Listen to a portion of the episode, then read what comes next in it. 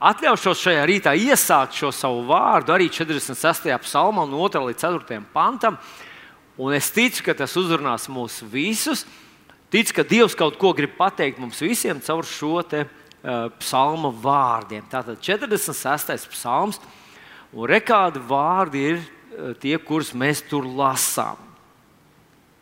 Tātad es lasu.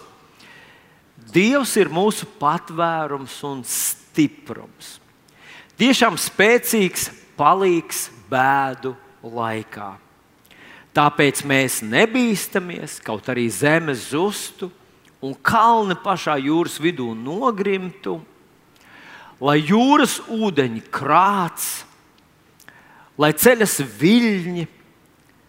Uh, Tomēr izmantošu izdevību atgādināt, ka vilnis ir ļoti biblisks vārds. Nes kāpēc vairs neviens nedod savam dēlam vārdu vilnis.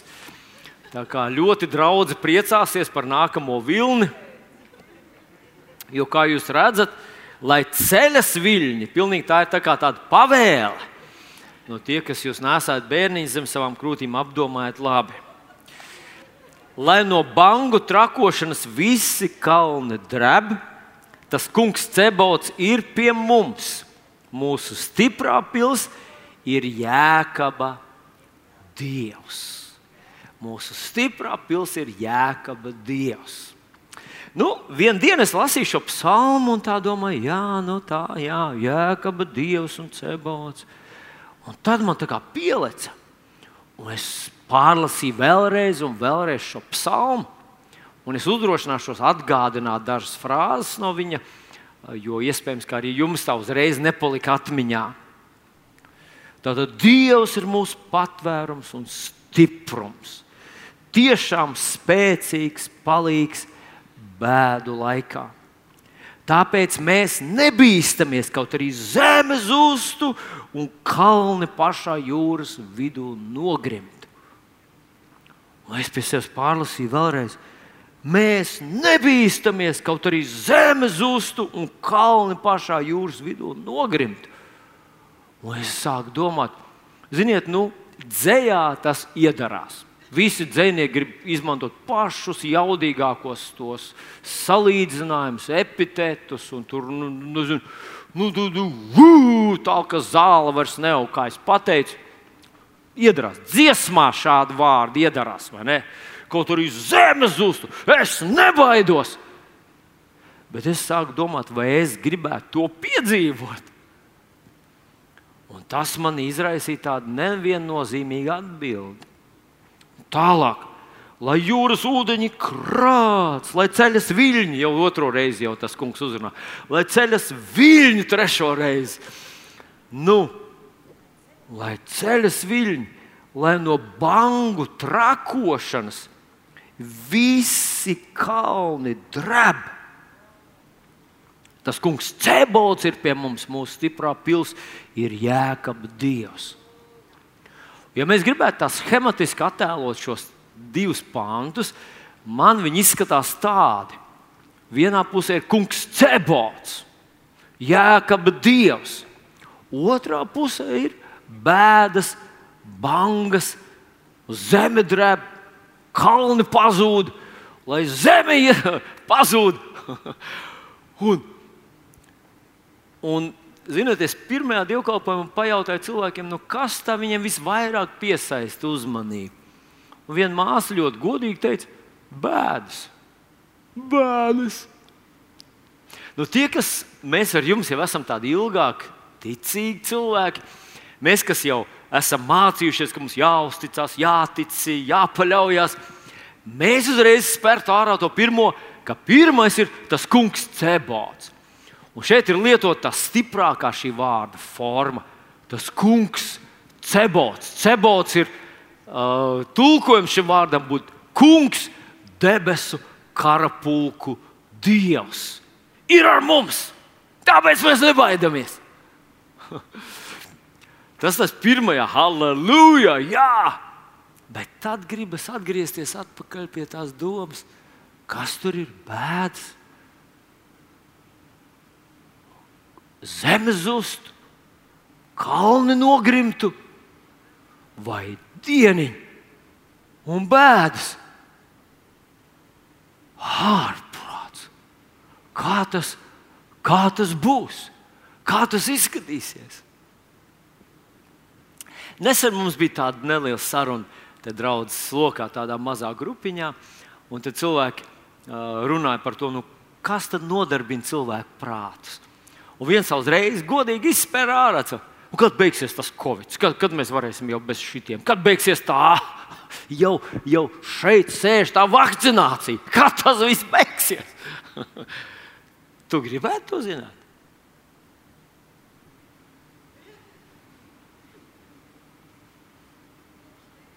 Es domāju, ka uzņēmēji to gribētu zināt. Es domāju, ka ceļotāji to gribētu zināt. Es domāju, ka banķieri to gribētu zināt, investori to gribētu zināt, pārdevēji un pircēji gribētu zināt, kad tas viss beigsies, kad sāksies normāla, mierīga dzīve. Kad tas viss beigsies? Cik ilgas būs tās grūtības? Kas vēl stāv priekšā? Vai tevi tas interesētu? Ja mēs izsludinātu, ka rīt no rīta, pulkstenis uh, uh, divos, pašā nepiemērotākajā laikā, viskarstākajā dienas brīdī. Šeit būs cilvēks, kurš zina precīzi visus šos notikumus. Un viņš to pastāstīs visiem tiem, kas būs atnākuši. Es gandrīz gribu apgalvot, ka te būtu vairāk cilvēku nekā šajā rītā šeit. Ir. Jo mums visiem gribētu to zināt, mums taču, lai mēs zinām, rēķināties, vai ne? Es pareizi saku. Un, ja tu būtu politiķis, tu noteikti gribētu zināt, kad tas viss beigsies. Ziniet, es gribu apgalvot, ka ir tāda situācija Bībelē aprakstīta, kad cilvēki pienāca pie tādas robežas, un Dievs viņiem teica, lai viņi dodas uz priekšu un uzticās viņiem, viņam, bet viņi gribēja zināt. Un mēs kaut ko no tā varam mācīties. Un es nosaucu to par spiegu triloģiju. Spiegu triloģiju, jo tas norisinājās Mozus laikā. Un mēs lasīsim divas rakstu vietas. Vismaz neizlasīsim, bet vismaz pārstāstīšu viņus. Viņas uzrakstīts 5. mūža grāmatā un 4. mūža grāmatā, bet drusciņā saviem vārdiem tikai lai jūs zinat, kur to situāciju, kur mēs esam šobrīd. Tātad Mozus ir izvedis savu tautu ārā, dieva tautu, izvedis ārā no Eģiptes zemes. Atcerieties, Eģiptē viņi bija kas? Viņi bija vergi. Viņi izgāja cauri tūkstnesim, un tur bija vis visādi piedzīvojumi tajā tūkstnesī. Viņi pienāca pie apsolītās zemes robežām pie tās zemes robežām, par kur Dievs viņam teica, esmu zvērējis dot to jūsu tēviem, Abrahamam, Īzākam un Jēkabam. Nu, jūs esat pienākuši, jums es to dodu. Un rekādas vārdus saka Mozus.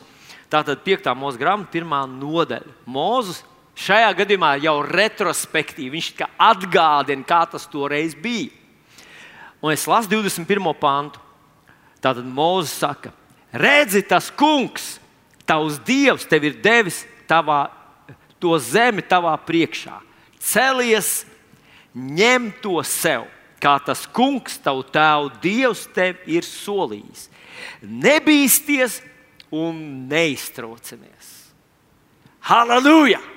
Dievs to bija apsolījis, nu jūs to varat paņemt. Tieši tā kā tas izklausās jaunajā derībā, kur mēs ar tevi esam, Dievs deva visus tos apsolījumus, un tad 2. korintiešiem 1,20 apsolījums Pāvils saka, jo cik ir Dieva apsolīšana, tās ir visas jā, Kristu Jēzu. Tāpēc mūsu āmen Dievam par godu. Nu, lūk, bet Mozus ar to vēl nebeidz, un tad viņš stāsta, kā tas toreiz bija. 22. pāns. Tad jūs visi nācāt pie manis un sacījāt, Sūtīsim vīrus sev pa priekšu, ka tie to zemi izlūkotu un atnestu mums ziņas, pa kuru ceļu mums ir jādodas uz turieni, un par pilsētām, kur mums ir jānonāk. Tātad te nav uzrakstīts, vai viņi nav uzrakstīts, vai visi viņi kopīgi atnāca, vai pa vienam, vai pa ciltīm, vai, vai pa daļām. Bet viņš saka, visi jūs nācāt pie manis. Un ziniet, kas ir paradoxālais? Nu, man vismaz liekas, ka tā tam nevajadzēja būt. Bet Mozus saka, nākošajā pantā, man jūsu sacītais labi patika. Man patika doma. Jā, mēs gribam zināt. Es gribu zināt, kas manā dzīvē notiks rīt. Kurš grib zināt? Daži ceļ rokas. Dažiem drusku vēl jā, jā, jāpamina. Tad, tad viņi arī saka, jā, es gribu zināt, jā, es gribu zināt, kāda būs vasara, es gribu zināt, kāda būs ziema. Es gribu zināt, cik ilgi es dzīvošu, un, un kas ar maniem notiks. Kas notiks ar maniem bērniem, kas notiks ar maniem vecākiem. Nu, kad beigsies šis projekts, kur es tikko iesāku? Es gribu zināt, un Mozus saka, man šīs jūsu sacītais labi patika. Un es no jums izraudzīju 12 vīrus, pa vienam vīram no katras cilts, un tie pagriezās un devās kalnu un nonāca Eškolas upes rajonā un iztaigāja visu apsolīto zemi. Kā mēs zinām, viņi staigāja 40 dienas.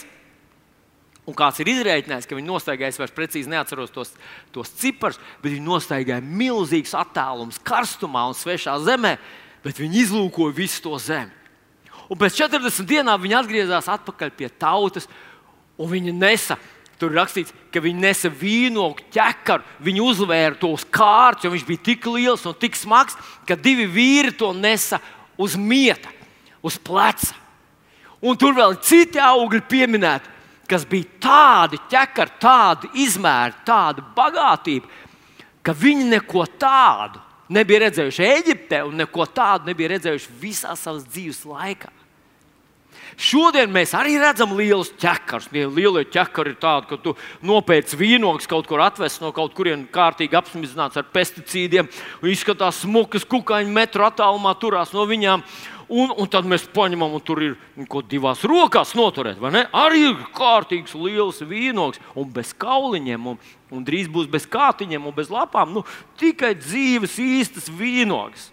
Un toreiz tie izmēri bija nesalīdzināmi vēl lielāki.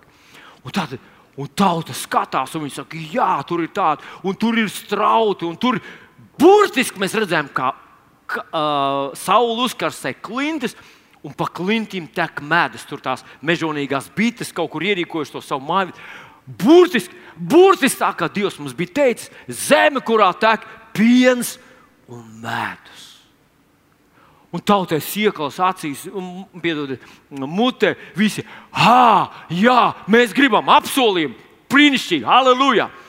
Bet tad viņi saka, bet ziniet, tas vēl nav viss. Un tad viņi sāk stāstīt par milzīgām pilsētām, par lieliem mūriem, par tehnoloģiski attīstītām tautām, par lieliem, lieliem večiem, muskuļotiem, kas māca cīnīties, kuriem ir stratēģijas, kas ir ļoti saliedēti un patriotiski un tā tālāk.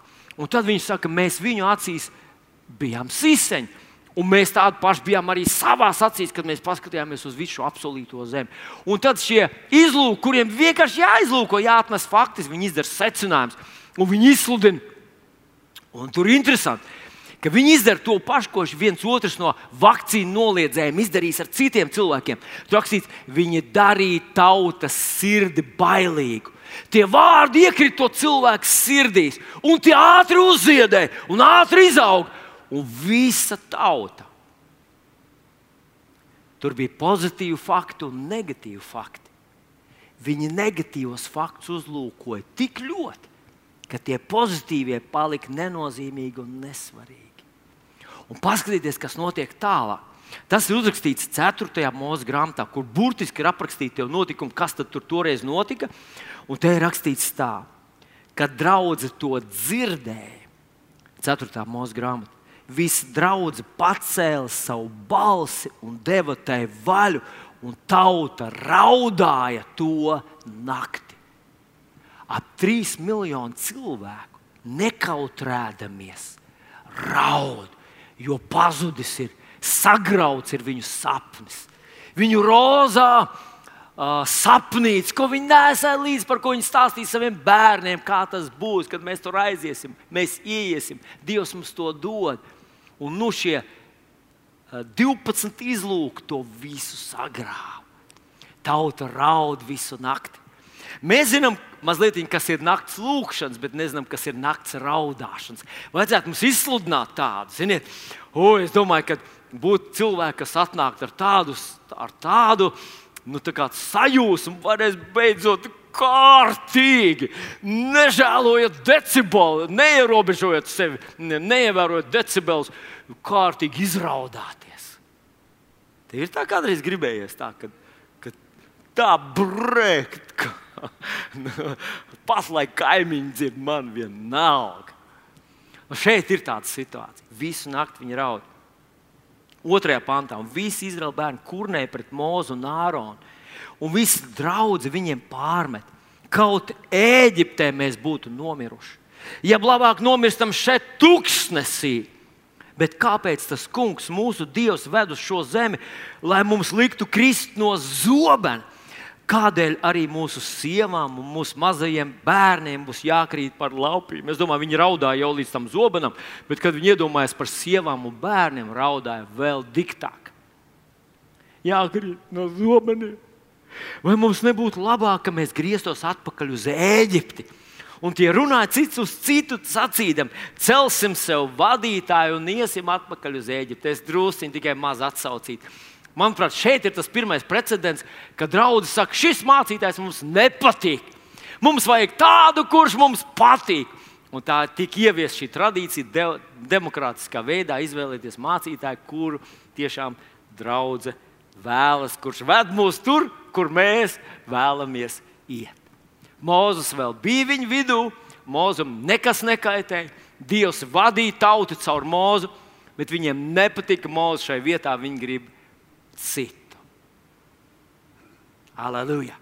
Un zināt, kas ir paradoxāli, ka vēsturē mēs varam redzēt, ka ik pa laikam uzrādās brīvprātīgie šai mācītāju misijai. Es jūs aizvedīšu atpakaļ uz Eģipti.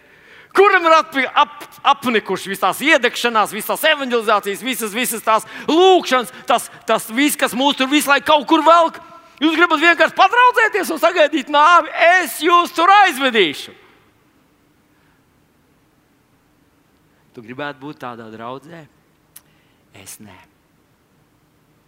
Bet ziniet, kas ir interesanti? Ka šeit ir 3 miljoni cilvēku. Apmēram. Mēs to varam redzēt gandrīz burtiski. Viņi saskaita karavīrus, un tie ir 600 tūkstoši, vairāk kā 600 tūkstoši. Tad bija vēl vecāki un jaunāki cilvēki, bija sievas un bērni. Droši tur varēja būt 3 miljoni cilvēku. No 3 miljoniem cilvēku ir tikai 4 cilvēki, kas zinot šos faktus, tomēr ir spējīgi ticēt. Ka Dievs viņus ievedīs un aizvedīs, ka Dievs ir mūsu pusē. Gluži kā mēs tikko, gluži kā mēs tikko lasījām, uh, psalmā, ka kungs cebots ir ar mums. Pat ja zemes zust, un pat ja viļņi un bangas un zemestrīces, un ja viss te iet pa gaisu, Dievs ir ar mums. No trim miljoniem tikai četri tādi cilvēki ir. Un tas paradoxālais, mīļie draugi, es vēlreiz gribu atgādināt, ka, ka tur ir pozitīvas ziņas un ir arī negatīvas. Un ziniet, kā dara ticība? Ticība skatās uz pozitīvajām ziņām, uz labajām ziņām, un viņa uz viņām fokusējas tik ļoti, ka negatīvās ziņas tai kļūst nesvarīgas un nevarīgas. Nu, piemēram, apelsīns Pāvils Romiešiem 8. nodaļā saka tādus vārdus. Es domāju, ka šī laikmeta ciešanas ir nenozīmīgas salīdzinājumā ar to godību, kas par mums atnāks. Tā runā ticība. Bet ziniet, kā runā neticība? Neticība skatās uz visām tām negatīvajām ziņām, uz visiem tiem negatīvajiem faktiem, un viņi tam pievērš tik lielu uzmanību, ka pozitīvais vispār, vispār neko vairs nenozīmē. Ir cilvēki, kas uzskata, ka tik ļoti jāmocās, tik ļoti jānododas, tik ļoti jākalpo. Un ko mēs par to dabūjam? Debesis! Ak, kungs! Vai tas ir tā vērts? Tu varbūt esi sa, sa, sa, saticis kādu tādu cilvēku. Un tas ir ļoti iespējams, ka pat kristīgās aprindās, ievērojot, tā ir Dieva tauta, 3 miljoni cilvēku no tiem 3 miljoniem, tikai 4 cilvēki saka, bet tas ir tā vērts. Vai jūs piekristu tiem cilvēkiem, kas saka, labāk nomirstam samierinājušies ar savu nevarību, kā, kā, kā vergi? Vai labāk nomirstam vienkārši kā tādu klaidoņu tūkstnesī? Bet mēs negribam mirt kā kareivi, kas cīnās par apsolījumiem, kurus Dievs mums grib dot. Es nezinu, kaut kas manī saka tā, ka viss nožēlojamāk ir nomirt kā vergam. Viss vēl, nož, vēl drusku no, mazāk nožēlojami ir nomirt kā tādam klejotājam, kurš nezina, kurš it kā meklē savu apsolīto zemi, bet nomirt ticībā uz Dieva dēlu, cīnoties par tiem apsolījumiem, kurus Viņš tev ir devis, kur Viņš ir tās ticības iesācējs. Tu iedomājies, ka Viņš ir tā ticība, kas ir tavā sirdī, nav tevis radīta, nav tevis piedzemdēta. Viņš ir tās iesācējs, un Viņš ir tās arī piepildītājs. Un ebreju vēstulītē mēs lasām par cilvēkiem, kas nesasniedza un nomira ticībā. Bet tā kā Bībele par viņiem runā, tad šķiet, ka Dievs ar viņiem lepojas. Ka tie ir tie, kas cīnījās līdz galam. Un jā, ne visi saņēma, bet viņi nepadevās, uzticējās man. Mīļais, mans brāl un māsa, arī mēs ar tevi atrodamies tādās situācijās, ik pa laikam, kad ir negatīvi fakti un pozitīvi. Un es gribu pajautāt tev, uz kuriem tu fokusējies. Kas ir tas, kas tev motivē? Kas ir tas, kas tev motivē nodoties, uzticēties, paļauties un neļauties, lai tevi izbiedē tie negatīvi, tās negatīvās ziņas. Bet otra lieta, ko mēs varam mācīties no šīs piemēra, ir, ka ir kaut kas, ko Dievs gribēja atklāt. Un Dievs to atklāja. Viņš teica, ka tā zeme ir ļoti laba. Tā ir zeme, kur es jums esmu izvēlējis no visām pasaules zemēm. Es jums to gribu dot, un es jums palīdzēšu to ieņemt. Jūs to paņemsiet. Un viņš, ap, viņš apmierināja šeit, viņš apstājās šeit. Bet cilvēki gribēja zināt kaut ko vairāk. Un, ja mēs interesanti, ja mēs lasām 4. mūža grāmatā to stāstu, tad tur it kā teiks, ka Dievs teica, lai viņi iet. 5. mūžā saka, jūs gribējāt iet izlūkot. Un es domāju, ka tas notika tā ka tad, kad visi cilvēki, visi tās cilšu vadītāji atnāca pie Mozus un teica, mēs gribam, lai tu sūti izlūks. Un Mozum pašam šī ziņa, šī doma par to, ka mēs gribam zināt, kā tas viss notiks, kad Dievs teica, nu labi, sūtiet ar, bet lai tie ir vadītāji. Viņš nu, uzlika atbildību viņiem. Tie nav vienkārši kaut kādi cilvēciņi. Vadītāji, kas saprot, ka viņi var ietekmēt visu notikumu gaitu. Un man gribētos teikt, ka ir tāds brīdis, kad Dievs tev nepasaka. Bet, ja tu ļoti gribēsi, ja tu ļoti meklēsi, tu kaut ko uzzināsi. Un šīs nākamās lietas, kuras Dievs tev negribēja atklāt, bet tu tās gribēji zināt, ļoti var tevi izbiedēt. Un iespējams, tu nepiepildīsi savu misiju tikai tāpēc, ka bija par agru uzzinājis lietas, ar kurām vēlāk tu tiktu galā. Vai ja mums dzīves sākumā jau izstāstīt ar visus tos izaicinājumus, ar kuriem mums dzīvē būs jāsastopās, iespējams, ka viens otrs vispār negribētu dzīvot. Ārprāts, būs 12 gadi jāsēž skolas solā. Cik daudz divnieku piezīmē, vecāku skolu un vis visādas tur nelaimes. tu piedzīvo skolu, viens otrs vispār uz skolu neiet.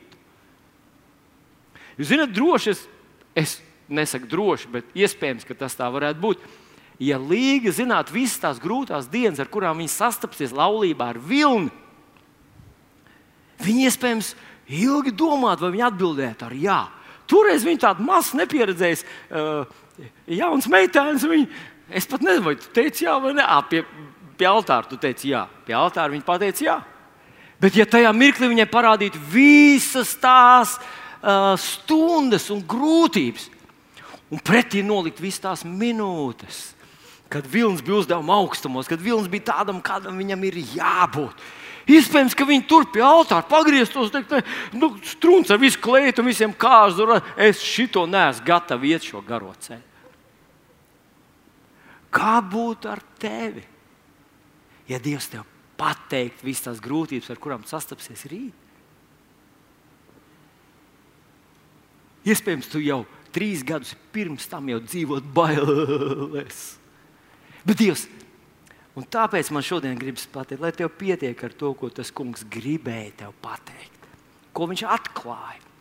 Nē, es no tiem, kam noteikti vajag zināt vairāk. Nu, noteikti gribu visus zināt. Es gribu visus zināt. Nezinu, vai tas tev palīdzēs. Ir svarīgi atcerēties to, ko viņš pateica. Un šajā ziņā man gribas teikt, ka ir lietas, kuras varbūt nav vērts uzzināt iepriekš. Bet ir lietas, kuras viņš ir pateicis, kuras tu nedrīksti aizmirst. Ir lietas, kuras Dievs grib, lai mēs neaizmirstam, lai mēs to allaž paturam prātā, lai mūsu nakts vidū uzmodinātu. Bēdus tumšākajā brīdī uzpurināt tev augšā. Visniknākais ienaidnieks tev au, kaut ko tev melo, kliedz tavā sejā. Bet ir lieta, kur arī tad tu nedrīkst aizmirst, ir kaut kas, ko viņš tev gribēja pateikt. Un viena no tādām lietām, tas kungs pateica saviem mācekļiem tajā naktī, kad viņš tika nodots. Ziniet, ko? Tas, tas izskatījās tā, Pāvils to raksta Korintiešu vēstulītē 11. nodaļā. No tā kunga to esmu saņēmis. Mēs pēc mirkļa to lasīsim. Bet viņš saka, tajā naktī, kad mūsu kungs tika nodots, tajā naktī, atcerieties, Pēc mirkļa viņi ir tur, Jēzus iestāda šo vakarēdienu. Pēc dažiem mirkļiem viņi jau dodas uz ģedzamānu. Tur ģedzamāna ir tā kā tāds, tā kā tāds murgs, mācekļi tur visi guļ. Pat Jēzus uzpurina Pēteru augšā, ar Pēteru lūdzu, lai tu varētu pastāvēt kārdināšanā. Un Pēters pēc mirkļa pum, atkal atslēdzies. Varbūt tā bija tropiskā nakts, kādu mēs tikko piedzīvojām. Es nezinu. Bet fakts, ka visiem tur ir tā tāds, un tad pēkšņi nāk milzīgs pārspēks ar zobeniem, ar, ar lukturiem. Neko nevar saprast, neko nevar redzēt. Viņi tur kaut ko uh, ķer, liek klāt, rokas jēzus, mācekļi visi bēg. Tad tur viņi no viena no. Citiem vārdiem tas notiek ļoti dramatiski, ļoti ātri. Jēzus tiek notiesāts, viņu ved pa sāpju ceļu, viņu piesit krustā, un viņš tur mirst briesmīgāko nāvi, kad viens cilvēks varēja nomirt. Un pēc tam vēl trīs dienas dieva dusmu, dieva naida, dieva lāstu pār Jēzu. Un mācekļi atrodas šādā brīdī. Un pirms tas viss sākās, Pāvils saka, tajā naktī, kad mūsu kungs tika nodots, ko tad viņš dara? Un šeit es gribētu, ja tev ir līdzi savu bībelīti, vai tu vienkārši vari paskatīties uz ekrānu, es izlasīšu šo stāstu no 1. korintiešiem 11. nodaļas. 23. pāns, jo no tā kunga tu esmu saņēmis, ko arī jums mācīju. Ka tas kungs tajā naktī, kad tika nodots, ņēma maizi un pateicās. Pateicās, Jēzus pateicās. Tas liekas, nu, tā, tā tāda forma, nu, viņš vienmēr pateicās. Bet zinat ko? Pateicība atver durvis brīnumam. Jūs esat lasījuši Jonas stāstu. Viņš nonāk zivs vēdā, un viņš tur kliedz. Man ir tik tālu. Un nekas nenotiek. Un tad viņš sāk pateikties Dievam. Un zinot, kas notiek? Pateicība atver durvis brīnumam. Zivs, zivs nevis izvēm viņu jūras vidū, bet zivs izvēm viņu krastā. Nu, kur tas ir redzēts? Dumjāku zivi vēl nevar iedomāties. Nu, ja tu vem, nu, tad vemē jūrā. Nu, tas, tas viss tur izskalojas uz visām pusēm un viss. Bet nē, viņa viņu iznes krastā un izvēm viņu ārā. Jēzus, ja tu paskatīsies Jēzus kalpošanā, kad viņam ir piecas maizes, viņam jāpabaro 5000 vīri, neskaitot sievas un bērnus. Ziniet, ko viņš dara? Viņš saka pateicību. Viņš pateicās Dievam.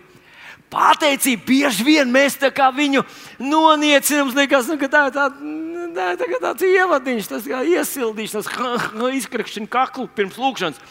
Nē, nē, pateicība atver durvis brīnumam. Un, kad Jēzus stāv pie Lācara skapa, viņš paceļ savus acis, viņš pateicās, es tev pateicos, ka tu esi mani paklausījis. Mēs lasām Bībelē, ka pateicība, lai mēs būtu pateicīgi visos apstākļos, ir Dieva grība, lai mēs to darītu. Pateicība. Jēzus pateicās, un kad mēs lasām tālāk, mēs lasām, ak, jā, es ne, neizlasīju, piedodiet, es tūlīt izlasīšu visu to. Tātad Jēzus pateicās, pārlauza maizi Viņš paņēma maizi, pateicās, pārlauza un sacīja: ņemiet un ēdiet, tā ir mana miesa, kas par jums top dota. To dariet mani pieminēdam, vai lai jūs atceraties mani, pieminiet mani, neaizmirstiet mani, atgādiniet par mani tādā veidā. Viss, kas viņam bija vajadzīgs, lai atcerētos, ko Jēzus priekš viņam izdarījis, paņemt mazu maizes gabaliņu un teikt, tā ir viņa miesa kas tiks salauzta par mani. Un lasam tālāk. Tātad tā ir mana miesa, kas par jums top dota. to dariet mani pieminēdam. Tāpat arī biķeri pēc vakarēdienas sacīja, šis biķers ir jaunā derība manās asinīs. To dariet, cik kārt jūs to dzerat, mani pieminēdam. Cik kārt jūs no šīs maizes ēdat, no šī biķera dzerat, pasludiniet tā kunga nāvi tiekams, viņš nāk. Wow! Ziniet, ja mēs lasām apakstuļu darbus, mēs konstatējam, ka agrīnā draudzene ļoti turēja šo tradīciju. Un mēs lasām, ka viņi iknedēļas sanāca kopā un lauza maizi, bet tur rakstīts arī ikdienas. Un es uzdrošinos apgalvot, ka jo grūtāki bija laiki, jo biežāk viņi sev to atgādināja. Viss, kas mums ir vajadzīgs, lai atgādinātu pašas svarīgākās patiesības no mūsu teoloģijas, ir mazs maizes gabaliņš un mazs mm, biķerītis ar vīnogu sulu. Vai vienalga kāds šķidrums, vai ar ūdeni, vienalga ar ko. Un zinot, kas ir interesanti, nevienā citā, manuprāt, reliģijā tā nav. Citur uzsmērē, uzspricē un vēl vis kaut ko, bet Jēzus mums gribēja atgādināt pašas svarīgākās, nozīmīgākās lietas, un viņš to teica, lai mēs apēdam. Vai jūs zināt, ka jūs esat izdzīvojuši līdz šim, šim brīdim, tāpēc, ka jūs ēdat? Ja jūs nēstu, jūs nedzīvotu. Un es gandrīz gribu teikt, Nu, nu atcerieties tādu ļoti spilgtu gadījumu ar Jairas meitiņu. Kad viņa ir mirusi, atnāk Jēzus, tur jau viss ir raudātāji, un Jēzus iztriec visus ārā, un tad viņš viņai saka, celies, un viņa uzmožās. Viņa brīnumaini tiek atgriezta nā, dzīvē, piedodiet. Bet nākošais mirklis, ko Jēzus saka mammai, lai viņa dara, dodiet viņai ēst. Jēzus atgriez viņu dzīvē brīnumaini bet jāuztur viņi ir pat parastā dabīgā ceļā. Un šeit Jēzus mums grib pateikt, ka viņa glābšana priekš mums ir tā kā ēdiens. Tas nav kaut kas ārējs, kaut kāds simbols, kur mēs uzsmērējam sev, nesam kabatā relikviju. Tas mūs pabaro. Tas mums ir tik tuvu, ka tuvāk vairs nav iespējams. Mēs tie esam. Viņa miesa un viņa asins. Par miesu mēs varētu teikt, apstulbu Pētera vārdiem, 1. Pētera 224, ka viņš saka, viņš uznes mūsu grēkus savā miesā pie staba. Viņš paņēma savā miesā visus mūsu grēkus. Iesai 53, 4, 5 saka, taču viņš bija vainots mūsu pārkāpumu dēļ. Viņš tika saplosīts, sasis, um, vienās vienīgās rētās, viņa āda bija saplosīta. Viņam tecēja no visām, viņa, no viņa galvas tecēja asins. Beigās mēs zinām, viņam iedūrīja šķēpu, iztecēja limfu un viss asins no viņa. No viņa Vi, no viņa ķermeņa, jā, viņš mocījās, smaka tur. Un viņš saka, viņš bija ievainots mūsu pārkāpumu dēļ, mūsu grēku dēļ, satriekts. Mūsu sots bija uzlikts viņam par atpestīšanu ar viņa brūcēm, ar viņa brūcēm. Viņš runā par jēzus miesu, ar viņa brūcēm. Jūs esat dziedināti. Man sanāca vienreiz tāda saruna ar cilvēku, kurš vienā runas tajā emocionālā brīdī pastāstīja, ka viņš dzīvo ar savu tēvu nieru viņam bija nieres beigtas. Un viņam bija jāmirst, ja kāds viņam nez, nedotu savu nieri. Un tad tēvs viņam atdevis bija savu nieri. Un tas cilvēks stāstot, viņš teica, es dzīvoju ar vienu nieri, tā ir mana tēva niera. Un viņš kļuva emocionāls, asars saskrēja viņam acīs. Viņš teica, mans tēvs man deva savu nieri. Zinat, ko Jēzus deva? Viņš deva savu sirdi, deva savus nieres, Viņš deva savu, savu visu, kas viņam bija, tev un man. Un kad mēs turam šo maizes gabaliņu, mums būtu tieši tā jāpaskatās uz to. Es tev no visas sirds pateicos. Es to pasludinu, ka Jēzus ir dāvinājis man dārgāko, kas man ir vajadzīgs. Viņš deva man savu miesu, viņš tika saplosīts, lai es tiktu dziedināts. Ah! Kāda tā ir bagātība? Bet viņš pie tā vēl neapstājās. Viņš teica par Jēzus asinīm. Un, mīļie draugi, es šodien mazliet gribu atgādināt tādu mazu sarakstu, ko Bībele saka par Jēzus asinīm, tas, ko viņas priekš mums ir izdarījuši. Tas nav pilnīgs saraksts, bet viņš tomēr, viņš tomēr izsaka tādas svarīgas lietas un mēģina ieklausīties, lūdzu. Tātad, pirmā pētera vēstule, apelsīns Pēters saka, ka mums nav iespējams noteikt Jēzus asiņu vērtību. Tas ir ārpus mūsu saprāšanas. Re, kā viņš to saka. Jūs zināt, ka esat ne ar iznīcīgām lietām, sudrabu vai zeltu atpirkt no savas aplamās dzīves, mantots no tēviem, bet ar Kristus šī bezvainīgā un nevainojamā jēra dārgām asinīm. Viņš zeltu sauc par iznīcīgām lietām, iznīcīgi, bet Jēzus asins viņš sauc par neiznīcīgām un dārgām. Tātad, vispirms, tu esi atpirkts ar viņa asinīm. Viņa asinīm viņš ar savām asinīm, ar Jēzus asinīm, tu esi iegūts par īpašumu. Dievs tevi nopirka ar Jēzus asinīm. Reka apstuļu darbos 20. nodaļā tas ir rakstīts.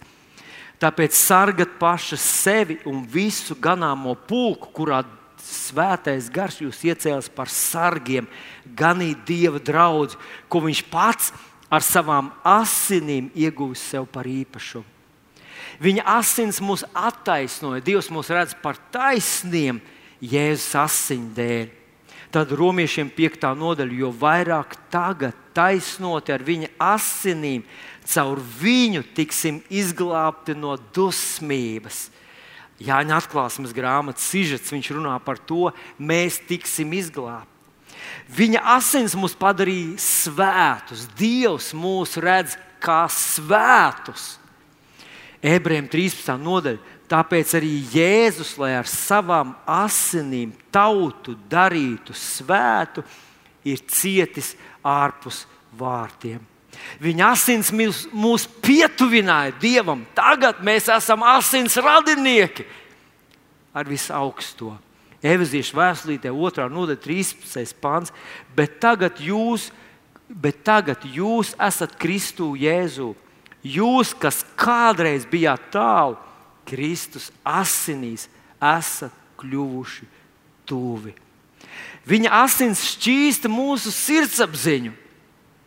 Ebreju vēstule raksta tā 9. nodaļā, cik daudz vairāk Kristus asinis, kas mūsu gara spēkā, mūžīgā gara spēkā pats sevi ir bezvainīgi upurējis Dievam, šķīstīs mūsu sirdsapziņu no nedzīviem darbiem, kalpošanai dzīvajam Dievam. Asinis, Jēzus asins nodrošina mums grēku piedošanu. Eveziešu vēstulīt, pirmā nodaļa. Viņā mums dota pestīšana, viņa asinīs, grēku piedošana pēc viņa bagātās žēlastības. Tās dod mums drosmi ieiet visvētākajā vietā, kur vecajā derībā vienreiz gadā augstais priesteris īpaši izgājis cauri sagatavošanās rituālam, drīkstēja tur ieiet uz kādu nelielu mirklī. Mēs varam tur droši iet iekšā, kad vien mums ir gribēšana. Un ķērubi, kas ir militāri sargeņģeļi, kas sargā šo visvētāko vietu, no, lai, to, lai nogalinātu jebkuru, kurš tur ieiet iekšā, kas nav cienīgs vienmēr laipni mūs ielaiž Dieva tūmā. Un tas ir uzrakstīts ebreju vēstulītē, desmitajā nodaļā. Tā kā nu mēs, brāļi, droši varam iet svētajā vietā Jēzus asiņu dēļ. Tās šķīst un atsvabina nu mūs no visiem grēkiem. Jāņa, pirmā Jāņa vēstule, pirmā nodaļa Bet, ja mēs dzīvojam gaismā, kā Viņš ir gaismā, tad mums ir sadraudzība savā starpā, un Viņa dēla Jēzus asinis šķīsta mūs no visiem grēkiem. Jēzus asiņu dēļ, vai pateicoties Jēzus asinīm, mēs varam valdīt uh, un, un uzvarēt vēlnu savā dzīvēm atklāsmes grāmata 12. nodaļa. Viņi to uzvarējuši ar tā jēra asinīm un ar savas liecības vārdu, un nav savu dzīvību mīlējuši līdz nāvei. Tātad Jēzus iedod saviem mācekļiem divus elementus - biķeri, maizīti un biķeri. Un viņš saka, šī maize, lai jums atgādina manu miesu, kas par jums top saplosīt. Un šis biķerīts, lai atgādina jums, ka manas asinis, ko manas asinis priekš jums ir izdarījuši jaunajā derībā. Un manuprāt, mīļie draugi, manuprāt, Jēzus mums cenšas pateikt, lai arī kas notiktu tavā dzīvē, lai arī kas notiktu pasaulē, lai arī kas notiktu viļņi, vētras, bēdas, uzbrukumi, pasaule, covid, uh, ekonomika, uzbrukumi, lai vai kas notiktu. Viņš cenšas tev atgādināt, nekad, nekad neaizmirst. Es tevi esmu izglābs. Tu esi glābts. Tu esi glābts. Tu esi glābts. Tu esi glābts. Nav nekā lielāka, nav nekā nozīmīgāka, nav nekā dārgāka. Ne zelts, ne sudrabs, ne bagātības, ne slava, ne ietekme, ne cilvēku apbrīna, ne labas sajūtas, ne kaut kādas ekstāzes, ne, nekas šajā pasaulē, nekas visā visumā, nekas nekur nav lielāks kā šī dāvana, kur Jēzus tik vienkārši mums ar tevi pasniedz un gribēja, lai mēs ar tevi to nekad, nekad neaizmirstam.